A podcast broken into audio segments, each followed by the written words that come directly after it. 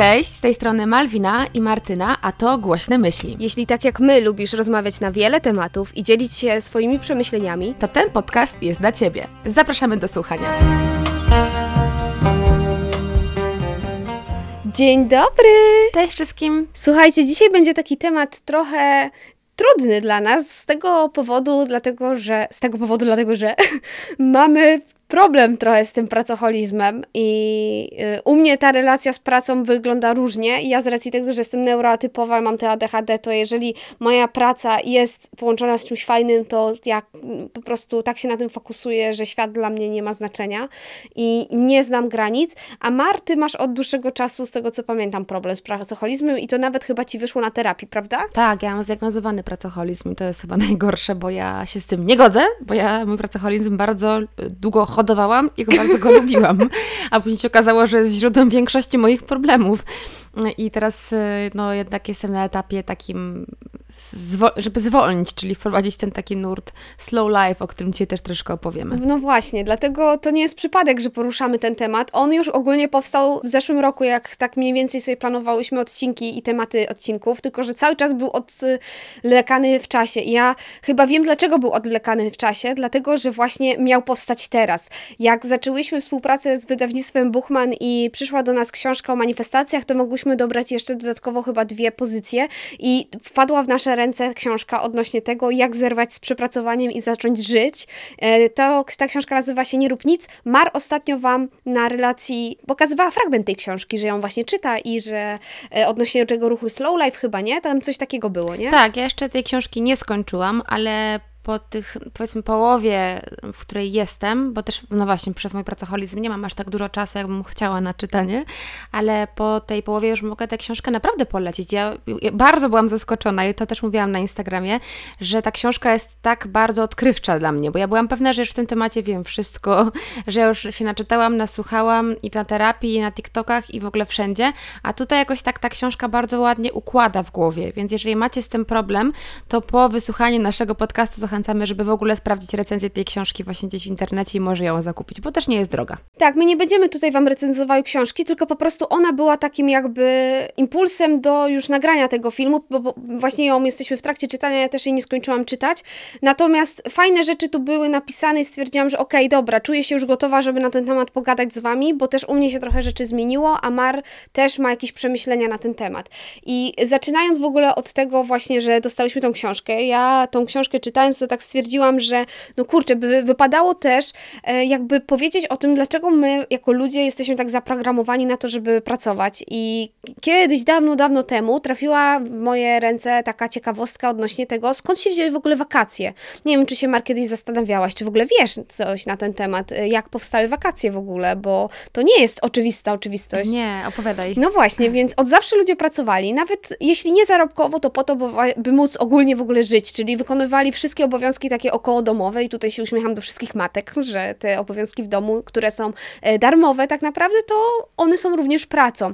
I ludzie mieli bardzo mało dni wolnych. Jedyne dni wolne, jakie były kiedykolwiek e, w przeszłości, to były te, które były potrzebne, żeby Dzień Święty święcić, czyli e, nie pracowaliście na polu, na roli, nie robiliście jakichś tam innych rzeczy, ale mieliście dzień wolny po to, żeby przygotować, nie wiem, kościół, przygotować otoczenie pod jakieś święto wydarzenie, upiec jakieś rzeczy, cokolwiek innego. Dalej była jakby ta praca, ale ona się już pracą nie nazywała, bo to było związane z, ze świętem.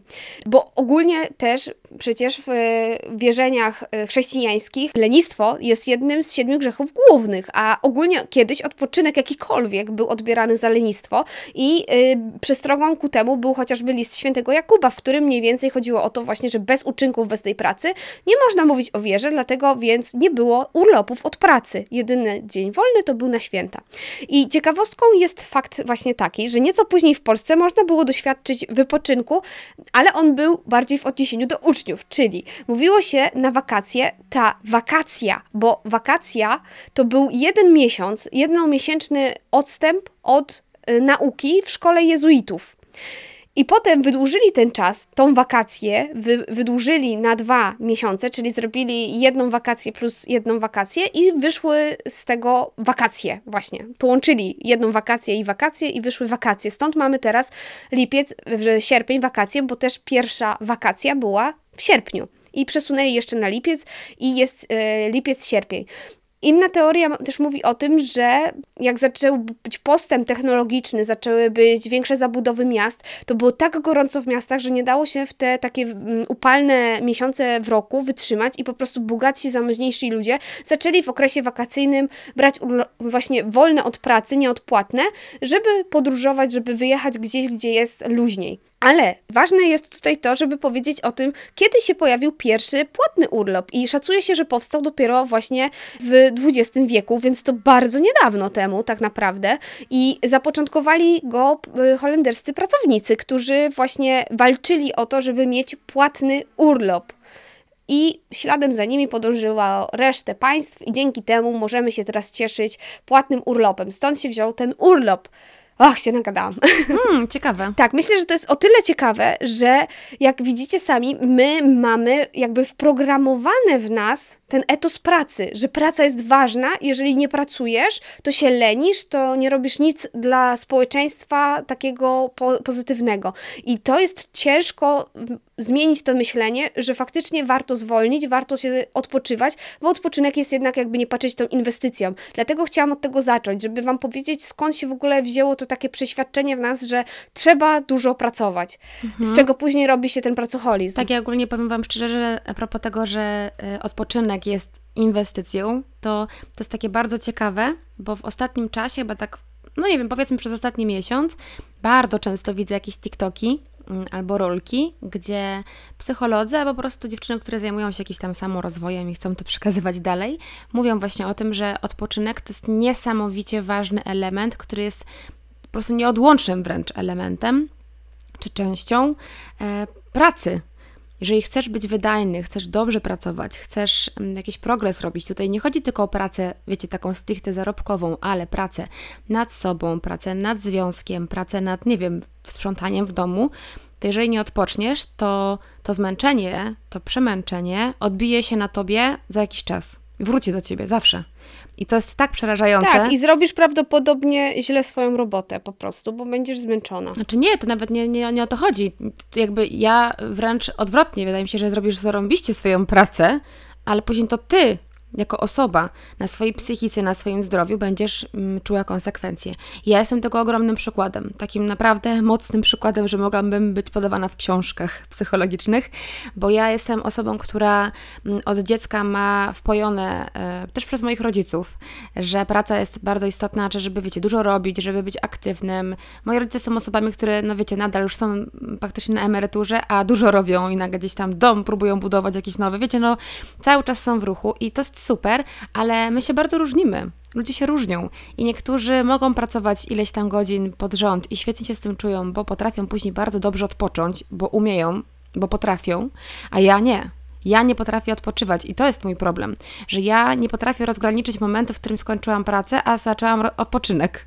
Że nawet kiedy próbuję wyjść sobie na taras z kawką, mówię, psy biegają, pięknie ptaki śpiewają, trawa się zieleni, kocham swoje życie, wiecie, romantyzuję. W ogóle o romantyzowaniu odcinek powstał, więc zapraszam Was serdecznie, bo to jest bardzo ważny element, który moim zdaniem może przy pracoholizmie pomóc.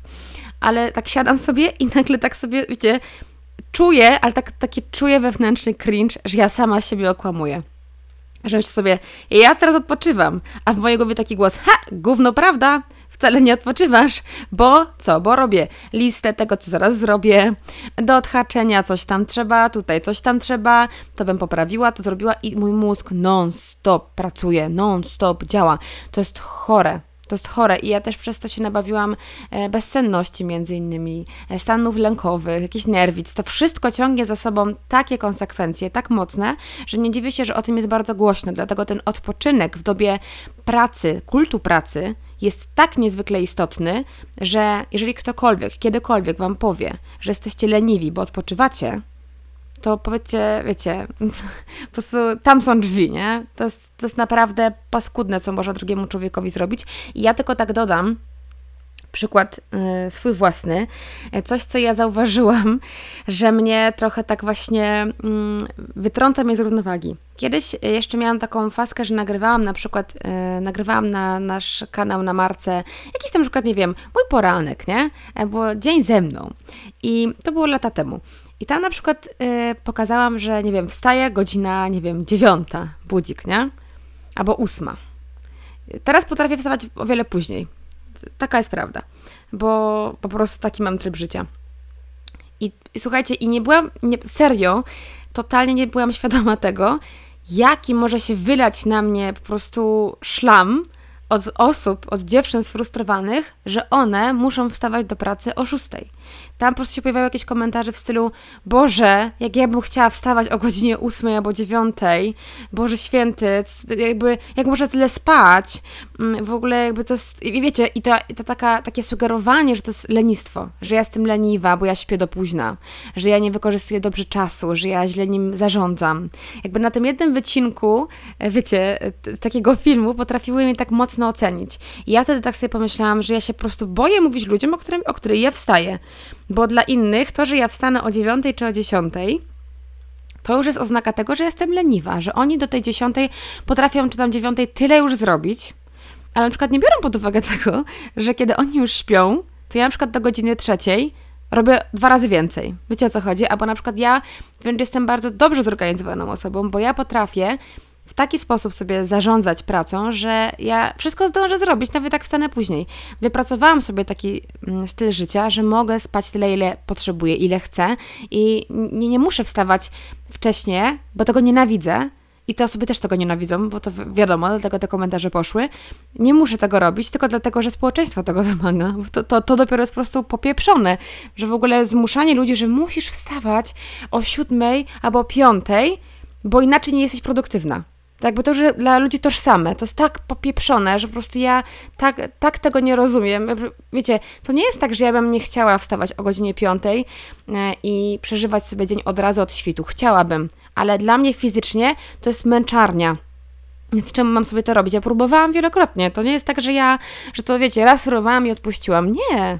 Ja nawet, wiecie, czytałam Fenomen Poranka, jakieś takie rzeczy, żeby się zmotywować, że tam klub piątej rano, jakieś takie bajery, szmery i jak widać do teraz, no nie, jak wstanę tak bardzo wcześnie, to ja o godzinie już tam, nie wiem, 12 na przykład, ja już jestem do spania, nie? To dla mnie już jestem przemęczona. Ja muszę bardzo mocno uważać na to, jak ja sobie rozdzielam pracę w ciągu dnia. Mhm. A właśnie to, co ty powiedziałaś, to się bierze tylko i wyłącznie dlatego, że mamy zakorzeniony ten kult pracy w sobie i nikt nas nie uczy odpoczynku. Cały czas się przecież powtarza, że ciężka praca popłaca. Ty musisz harować, żeby się czegoś dorobić. Nie ma nigdzie powiedziane, że jeżeli będziesz umieć balansować pomiędzy pracą a odpoczynkiem, to twoja praca będzie efektywniejsza, bo ty będziesz mieć więcej siły na to. Mi o to chodziło, mówiąc... No tak, nikt tego nie, nikt tego nie uczy. Nikt tego nie uczy, jak pracować. Ludzie uczą, że masz pracować, ale nie jak. Dokładnie. I mi wcześniej, jak ty mówiłaś, że jak ktoś sobie odpocznie, e, znaczy się jak ktoś się zacharuje, to wykona świetnie pracę. Ja powiedziałam, że potem wykona źle. To mi bardziej chodziło o to, że jeżeli ty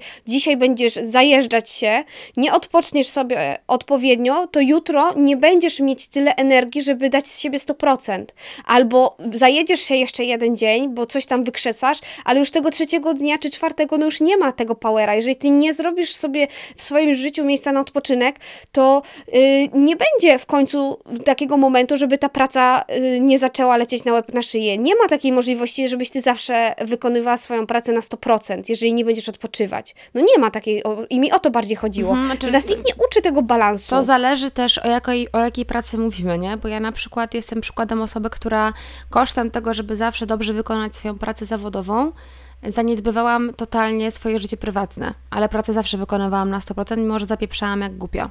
I to jest też to, że nie zawsze to się wiąże z tym, że Twoja praca będzie wykonana gorzej za parę dni, ale konsekwencją może być to, że posypie ci się, nie wiem, relacja z partnerem, posypie ci się zdrowie, e, bo nie będziesz odpoczywać, nie będziesz miała relacji w ogóle z rodziną, e, nie wiem, nie będziesz zdrowo jadła, przytyjesz, wiecie, nie będziesz miała czasu dla siebie, po prostu, bo przecież kurę czas dla siebie jest tak cholernie ważny, więc wydaje mi się, że może to tak dwojako na to popatrzeć, bo zależy jakim jesteście typem charakteru.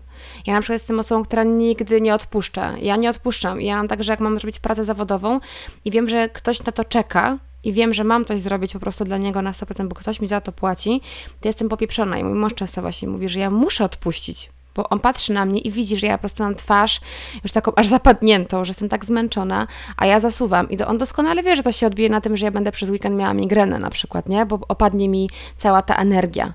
I to jest, to jest potworne, że człowiek sam sobie to robi, i bo ja jestem często świadoma, jak to się skończy.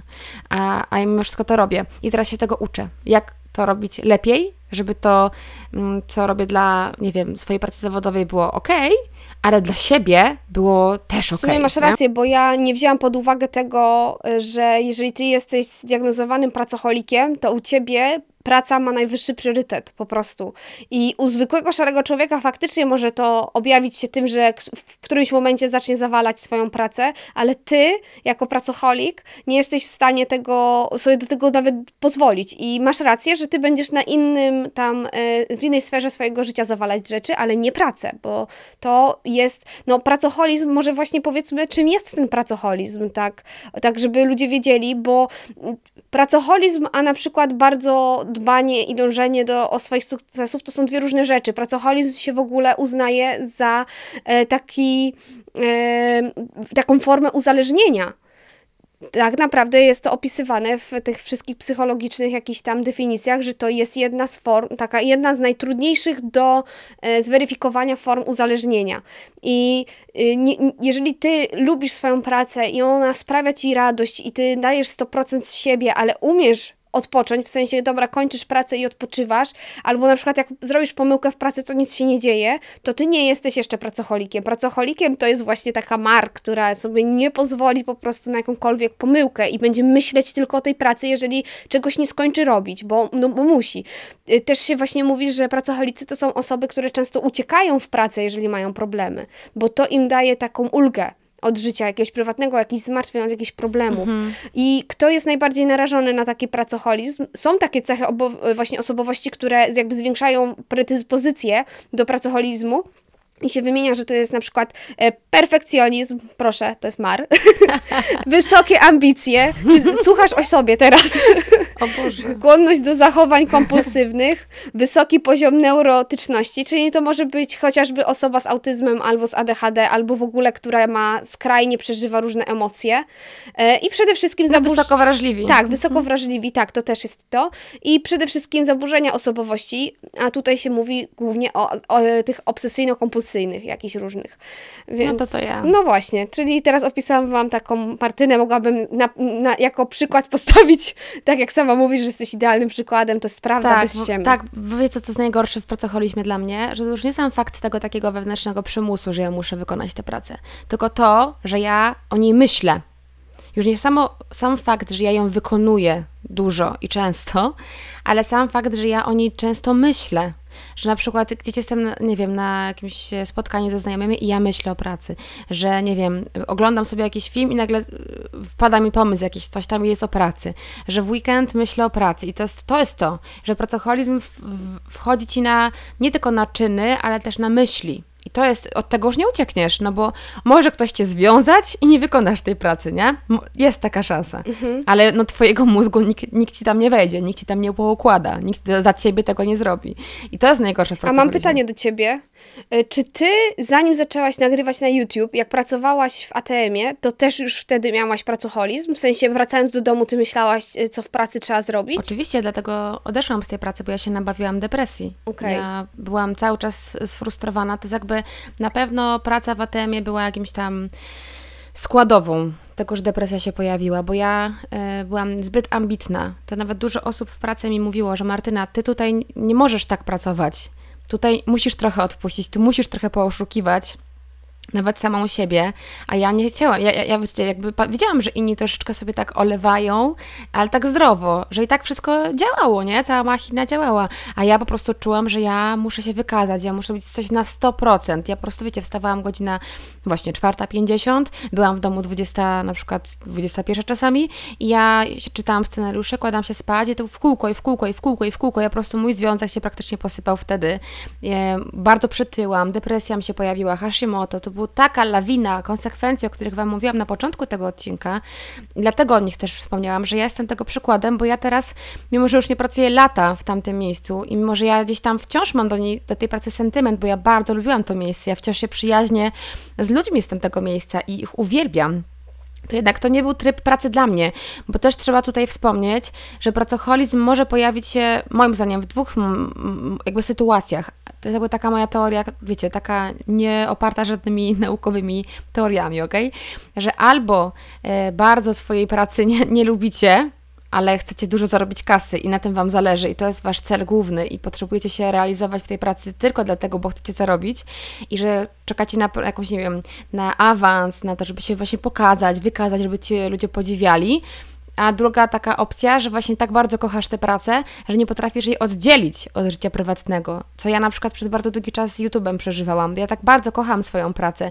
Jestem tak bardzo za nią wdzięczna, że czasami mm, nie potrafiłam zauważyć połączyć kropek, że ja jestem zmęczona przez tę pracę, że Paweł mówi, Martyna, ty jesteś przemęczona, nie możesz non-stop, ja cały czas na telefonie, tu komentarze, tutaj publikacja, tutaj montaż, tutaj wymyślanie, tutaj szukanie, tutaj research, tutaj maile, tutaj coś tam i wiecie, dla mnie to jest przyjemność, ja to kocham robić i ja nie zauważyłam, że mnie to może jednocześnie męczyć. Coś, co Cię kocha, też Cię może męczyć. Tak samo jak relacje z ludźmi. Możesz kogoś bardzo lubić, bardzo kochać, ale przez dłuższy czas, jak przebywasz z tą osobą, to się po prostu nią męczysz i potrzebujesz odpoczynku i pobycia samemu ze sobą i zmienić trochę środowisko no i z pracą jest tak samo. I ja na przykład jestem tą, tym przykładem tej drugiej osoby, że tej, tego drugiego pracoholizmu, że ja tak bardzo kocham pracę, że nie potrafiłam zrobić tej granicy, tym bardziej, że ja pracuję w domu. Więc sobie pomyślcie, że ja też utożsamiam pracę z miejscem, w którym ja śpię, w którym ja właśnie powinnam odpoczywać, mieć relacje z moim mężem, mam psy, które kocham. Wiecie, to wszystko jest tak pomieszane, że żeby tutaj te granice... To jest trudne bardzo, no. Tak, żeby tutaj te granice w ogóle zrobić, wyznaczyć, to Jezu, ja cały czas nad tym pracuję, ja jestem cały czas w trakcie. Ja, jak mi jeszcze na terapii, właśnie moja mm, psychoterapeutka powiedziała, Pani Martyno, to jest typowo pracoholizm, taki już naprawdę hardkorowy. Taki, że no widać, że ja jestem wręcz czasami tak, wiecie, wystraszona i nawet zauważyłam, powiem Wam, że to jest bardzo zabawne, czy nie zabawne, trochę jest, ale ostatnio mam zegarek, który pokazuje mi na przykład, kiedy się stresuję i on pokazuje mi, że mam podniesiony jakiś tam tętno, bla, bla, bla. I wczoraj zaczęłam tak bardziej myśleć właśnie o podcastach, że będziemy nagrywać jakieś kolejne tematy wpadały mi do głowy i nagle mój zegarek zaczyna pikać, że wysoki poziom stresu, powinnaś zrobić jakieś tam, nie wiem, oddechowe ćwiczenia. Ja mówię, co? o co chodzi, nie? I nagle się okazało, że faktycznie tak bardzo ekscytacja weszła na jakiś taki poziom, że mi się włączył jakiś taki mały stres, czy ja się na pewno dobrze przygotowałam do tych odcinków. Kurczę, kurczę, w ogóle jakby skąd te myśli, nie? W ogóle dlaczego pracoholizm jeszcze wchodzi mi na, na, na, podcast? W ogóle to w ogóle jest jakieś chore, totalnie. Ale powiem Ci, że to super w takim razie wyszło, że masz ten zegarek, bo teraz będziesz mogła się łapać na tym, bo Ty nawet nie wiedziałaś, w którym momencie Ci się coś tam dzieje, nie? A teraz będziesz mogła już to skontrolować, więc super w sumie wyszło z tym no zegarkiem, no tak. że masz możliwość teraz tego kontrolowania i może to dzięki temu zmieni trochę Twoje podejście. I po powiem tak. ci, że na przykład jeżeli chodzi o mnie, bo ty z tego co mówisz, to na to wychodzi, że u ciebie faktycznie to jest bardzo mocno powiązane z tą ambicją i perfekcjonizmem i to był jakby początek tego, że w każdej później pracy ty musiałaś dawać 150% z siebie. Natomiast u mnie to nie tak było do końca. Ja, znaczy się zawsze pracowałam i się starałam wykazywać, żeby awansować oczywiście, bo mhm. do tego dążyłam, natomiast umiałam sobie odpuszczać i robić przerwy. Natomiast teraz, jak zaczęłyśmy podcast, czy ja zaczęłam z YouTube'a, to wpadłam w ten wir robienia super fajnych rzeczy rzeczy, które mnie interesują i ja mam ten problem, że po prostu tylko jak dziecko ma drzemkę, jak dziecko śpi w ciągu dnia, jak tylko mogę, to po prostu to robię wszystko i jest, jest to też dla mnie problem, bo się okazuje, że od miesiąca, odkąd weszłam w nowy projekt, to się z moim mężem może wieczorem na kanapie spotkałam, no nie wiem, na palcach jednej ręki mogę policzyć, że czas na jakiś film, że coś obejrzeć, pogadać, nie? Smutne, nie? Kurde, no to mi dało do myślenia, ostatnio z nim na tym rozmawiałam, że mu, że on się czuje taki odepchnięty i tak sobie myślałam, kurde, ja tego nie widzę, nie czuję, bo ja cały czas jestem w procesie pracy, yy, w sensie wymyślam. Ja, ja mam dokładnie to, co ty, ja idę na spacer i staram się wychillować, zrobić sobie mind, yy, mindfulness, ale coś zobaczę ciekawego i sobie myślę, o, fajny odcinek będzie, żeby o tym powiedzieć, albo zapamiętać, a to jakąś informację wy, y, wyczy, wyczytam. Ja też bardzo prężnie teraz na TikToku jakieś różne robię e, rzeczy i nie umiem przestać myśleć o tym wszystkim, bo mam wrażenie i tutaj właśnie to się łączy bardzo mocno z e, overthinking i z FOMO, że ja się boję, że przeoczę ciekawą, ważną informację, która z, zwiększy mi zasięgi, nie? A gdzie jestem na początku i jeszcze ja nie zarabiam, nie? Wiesz co, ale ja tylko tak Ci powiem właśnie z perspektywy osoby, osoby, która jest dłużej, e, że tak powiem, w tej branży, że ja na początku byłam taka sama jak ty i to mi może tylko trochę zmalało. Więc dobrze, że już jesteś świadoma tego teraz i żebyś zaczęła od początku sobie układać jakąś taką relację z tą pracą, taką zdrową, bo to się może później źle skończyć, bo jesteś sama sobie szefową i tutaj nie masz godziny od do.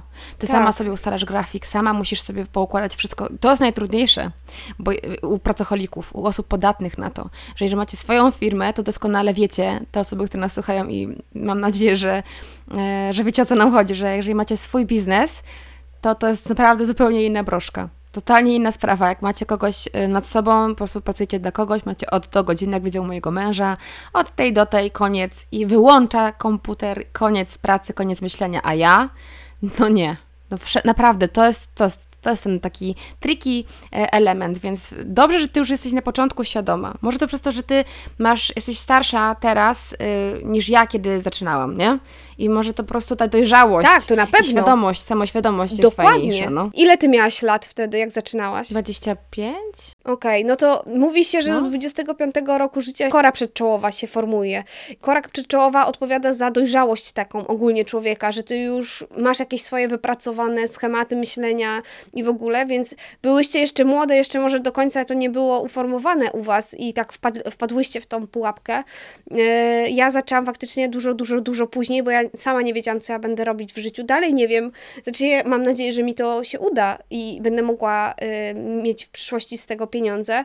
Natomiast zobaczymy, jak to się wszystko potoczy. I to też jest dla mnie jakaś duża presja, nie? Że No wiem. na razie nie mam z tego nic.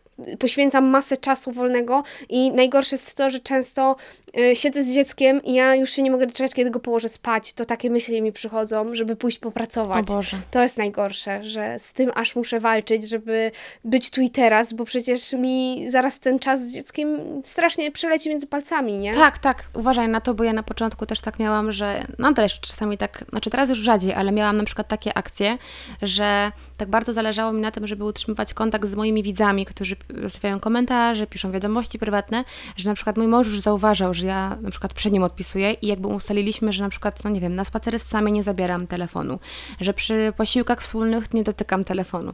I ja miałam taką fazę, że tak bardzo miałam taki, taki właśnie lęk, że powinnam pracować, że na przykład ja mówię, idę do, do łazienki, do toalety. Ja brałam ten telefon i w tej toalecie oczywiście co robiłam? Odpisywałam na te komentarze, nie mówiąc mu o tym. I że to było do tego stopnia, rozumiecie, uzależnienie. No więc tak, dlatego pracoholizm to uzależnienie. Dobrze, że widzisz to teraz. Tym bardziej, że ty jesteś mamą, nie? To jest też ta relacja z dzieckiem, żeby, żeby o nią jednocześnie dobrze zadbać. To też nie jest kurczę łatwe, nie? Żeby to połączyć. No tak, dlatego ja, ja mam ogólnie ścisłe ramy, kiedy ja mogę pracować i to jest coś, co ja wiem, że ja w tym momencie muszę na 100% być, bo potem mam czas z dzieckiem i dopiero albo e, poświęcę czas z mężem wieczorny, y, bo teraz też moje dziecko chodzi później spać, więc ten czas z mężem jeszcze nam się skrócił. Teraz chodzi około 20-21, a my chodzimy spać około 10, bo rano o 6 trzeba wstać. Więc i tak mamy po 10, po 6 pobudek, czasem się zdarzy, że jest mniej w nocy, więc y, mamy mało tego snu, mało czasu dla siebie i też cały czas jest takie żonglowanie. No ale trudno, no ja jestem właśnie tego bardziej świadoma, dużo czytam, dużo też się staram tak duchowo pracować i ta duchowość też pomaga w tym, żeby szukać balansu, bo jednak jak, jak szukasz tego balansu, to, to praca też jest elementem jakiegoś balansu z twoim życiem. I właśnie, żeby mieć ten balans, to powstał ten ruch slow life, nie? E, Tak, ja tylko tak chciałam jeszcze dodać, że mm, ja nie chciałabym absolutnie, żeby osoby, które nie pracują, czyli na przykład właśnie, nie wiem, albo jesteście bezrobotni, albo na przykład po prostu z wyboru jesteście w domu i zajmujecie się domem i wasz partner pracuje, są różne przypadki, to pracoholizm nie musi dotyczyć tylko i wyłącznie pracy zawodowej. Pamiętajcie o tym, że wy możecie mieć objawy pracoholizmu, na przykład, który związany jest z tym, że dbacie o dom. Ja na przykład też tak miałam bardzo często i nadal mam, że ja wręcz tak nerwowo muszę ogarnąć dom, pranie, gotowanie, jakieś tam, wiecie, tu zmywarka, tu coś tam, żeby to wszystko poogarniać i często jestem po prostu tak, ja wczoraj, wczoraj to ja nie wiem, bo prawie zrobiłam 10 tysięcy kroków w samym domu, słuchajcie. Przez po prostu bieganie między piętrami, żeby wszystko ogarnąć, posprzątać, odgruzować dom, jak to się mówi. I mój mąż często mówi, Martyna, odpocznij już, bo to ja dosłownie mam mokre czoło, nie? Jestem tak zmachana, żeby to wszystko ogarnąć. I ja mówię, nie, jeszcze nie, ja to muszę wszystko, że jak będzie czysto, to ja wtedy odpocznę.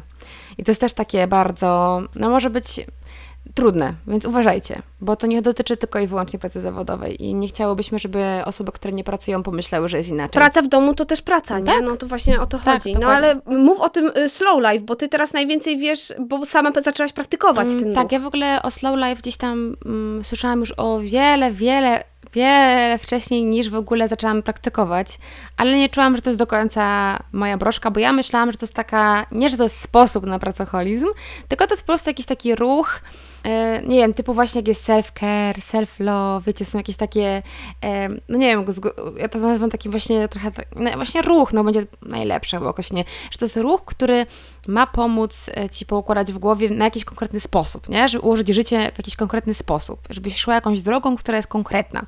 I ja nie czułam, że slow life to jest dla mnie, no bo jako pracocholiczka mówię, jakie slow life? Chyba fast life, nie, że tylko i wyłącznie. No tutaj się okazało, że chyba z czasem zaczęłam sama zauważać, bo dopóki samemu tego nie zauważycie, to, to, to, się, to, to jakby nie ma opcji, że to zadziała. Ale sama zaczęłam zauważać, że ja po prostu jestem jakaś taka bardziej zgorzkniała, taka smutna, taka zmęczona po prostu. I zabrakło mi tego, że nie mam tej energii w sobie, takiej, którą miałam kiedyś, że było mnie wszędzie pełno, że byłam duszą towarzystwa, że teraz jestem taka bardzo lękowa. No i pomyślałam sobie, że ja naprawdę chyba muszę zwolnić w życiu, żeby sprawdzić, czy to może zadziała na to, że wróci stara Mar. No i okazało się, że naprawdę to może zadziałać.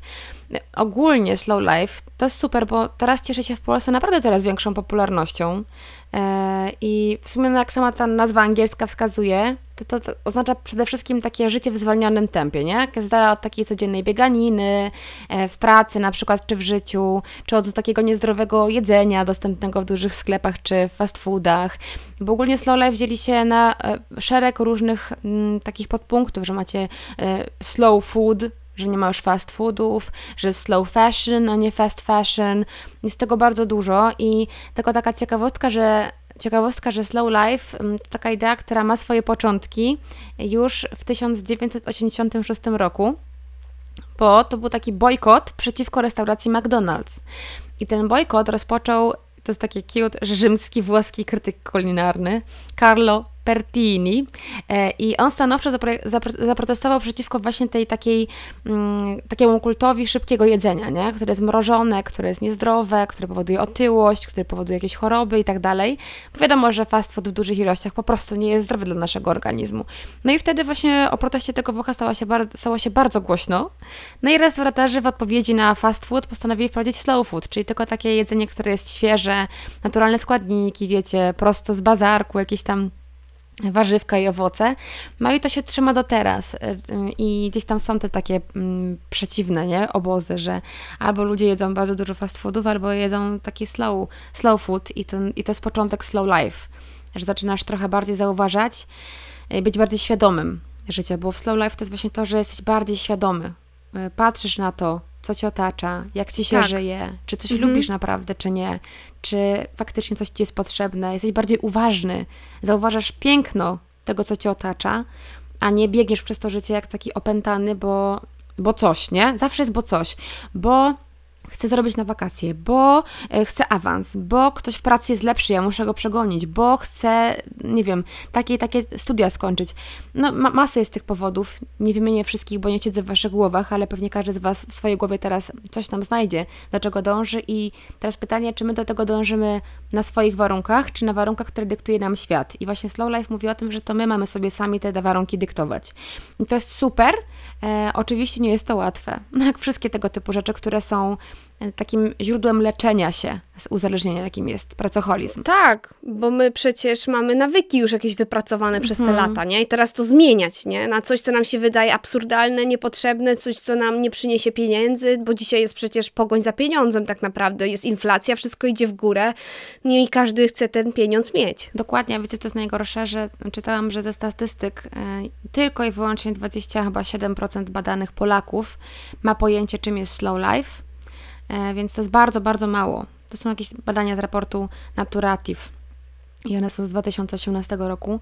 Podejrzewam, że teraz przez te najbliższe lata, e, znaczy te, które właśnie mijają, e, gdzieś ta świadomość mogła wzrosnąć, ale nie sądzę, że jakoś tak bardzo dużo. Z tego względu, że nasze pokolenia, właśnie bardziej naszych mam, ale też babci, ale przede wszystkim to te starsze pokolenie, nie? Takie osoby, które teraz mają 40, 50, 60 lat, to są takie pokolenia, które były mocno wychowywane w kulcie pracy. My również, ale my już gdzieś tam zahaczamy mocniej o to, że jesteśmy bardziej świadomi tego, że te zmiany są potrzebne.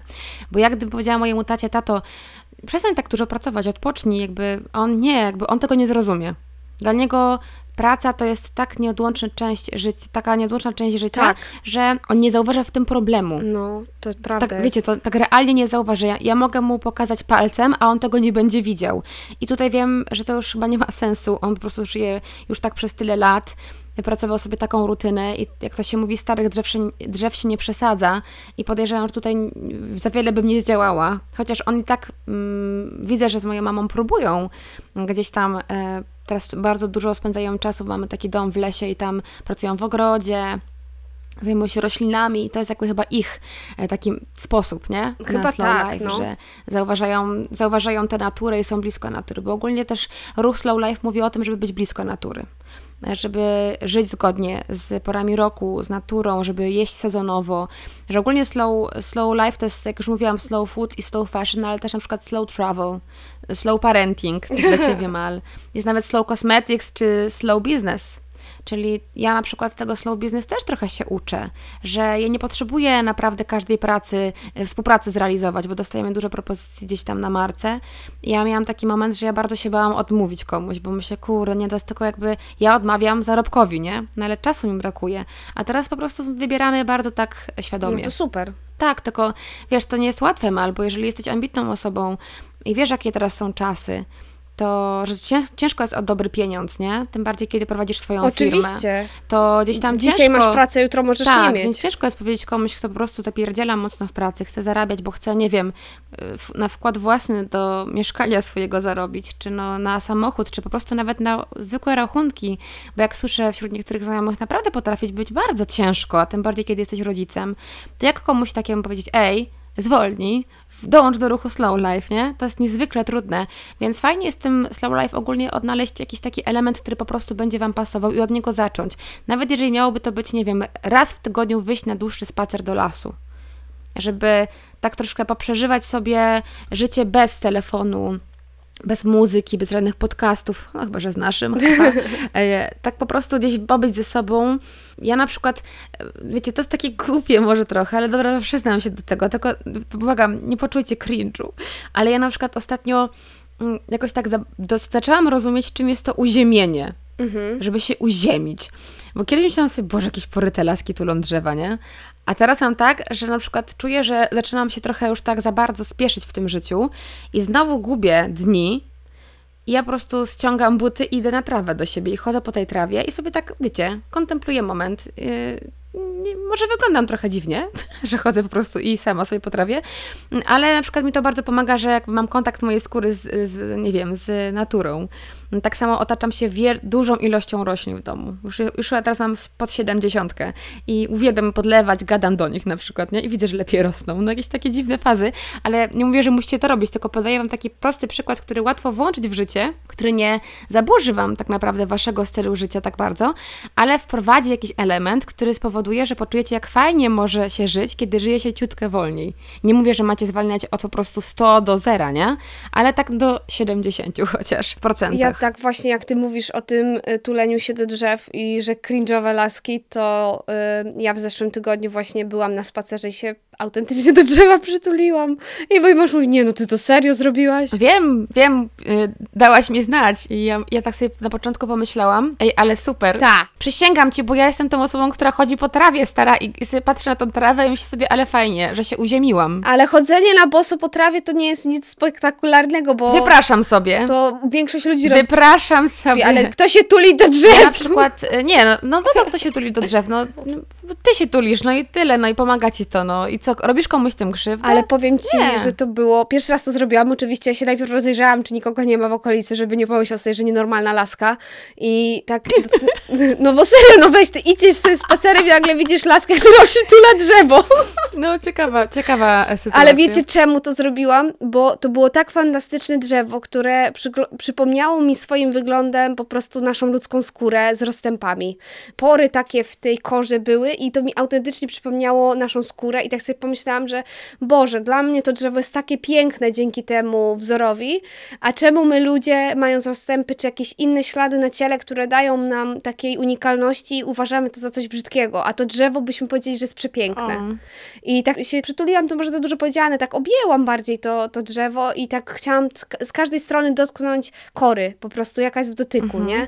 No i co? To było coś na maksa takiego wzruszającego, bo czułam się taką jednością wtedy z naturą i tak mi było przykro, autentycznie, to dlatego, że to jest tak wzruszający moment. O. Polecam wam wszystkim się uziemiać, jak najczęściej, bo wy wtedy mm, chodzenie na boso po trawie jest świetnym rozwiązaniem, chociażby też dla masażu stóp, po piasku, po kamieniach. I to jest taki właśnie moment, że wy czujecie tą jedność z tą naturą, z tym, że wy jesteście elementem tego świata. Nie jesteście sami sobie, tylko jesteśmy wszyscy razem w tym.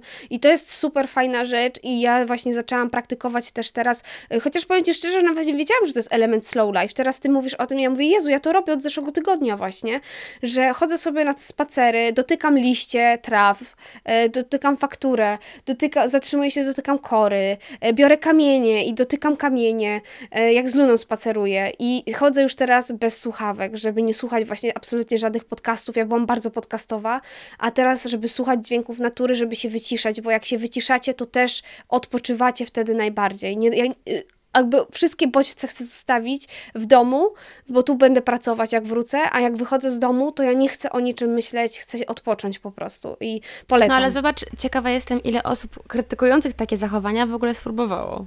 Nie? To jest tak, że podejrzewam, że nikt, że tak e, ludzie mówią wariatka, ale jak spróbujesz, to się okazuje, że to jest po prostu całkiem takie przyjemne i takie, no nie wiem, że no, nie, znaczy nie wiem, czy bym przytuliła drzewo, może tak, może spróbuję. Powiem ci, bo że to jest cringe'owe. Ja to zrobiłam pierwszy raz w życiu. Nie, czekaj, to nie, ja tak nie pomyślałam o tobie totalnie, że to screen Ja tak sobie właśnie W ogóle. em, myślałam wcześniej o innych osobach, że to jest takie dziwne, no, przytulać drzewo, ale z drugiej strony, a dlaczego nie? Zwierzęta przytulamy, to dlaczego roślin nie możemy przytulić? No dokładnie. Jaka jest różnica między zwierzęciem a rośliną? To i to żyje, tylko rośliny nie chodzą.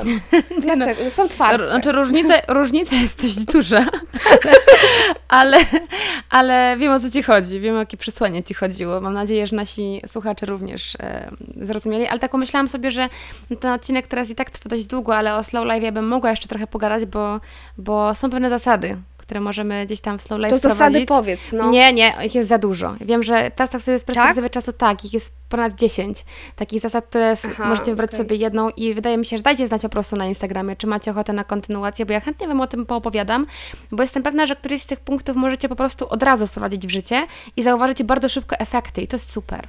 Więc jeżeli macie ochotę, Ja to mam tylko znać. taki jeden. Mhm. Powiedz, czy to jest akurat w tych e, Twoich spisanych e, zasadach Slow Life, mm, bo czytałam w tej książce i to sobie też wprowadziłam, żeby robi, dzielić sobie pracę na jakieś okresy, że, dwie godziny pracujesz, pół godziny spaceru. Tak, ten balans, pracujesz, balans, balans, spaceru. balans, balans. Tak, i ja to teraz właśnie wprowadzam. Dzisiaj akurat jest gorzej, bo nagrywamy e, odcinki do podcastu, więc od rana nie miałam przerwy, ale zaraz idę z psem na spacer właśnie taki dłuższy, żeby zrobić ten balans. Tulić dzisiaj. drzewa. Tak, tulić drzewa. Tak, no.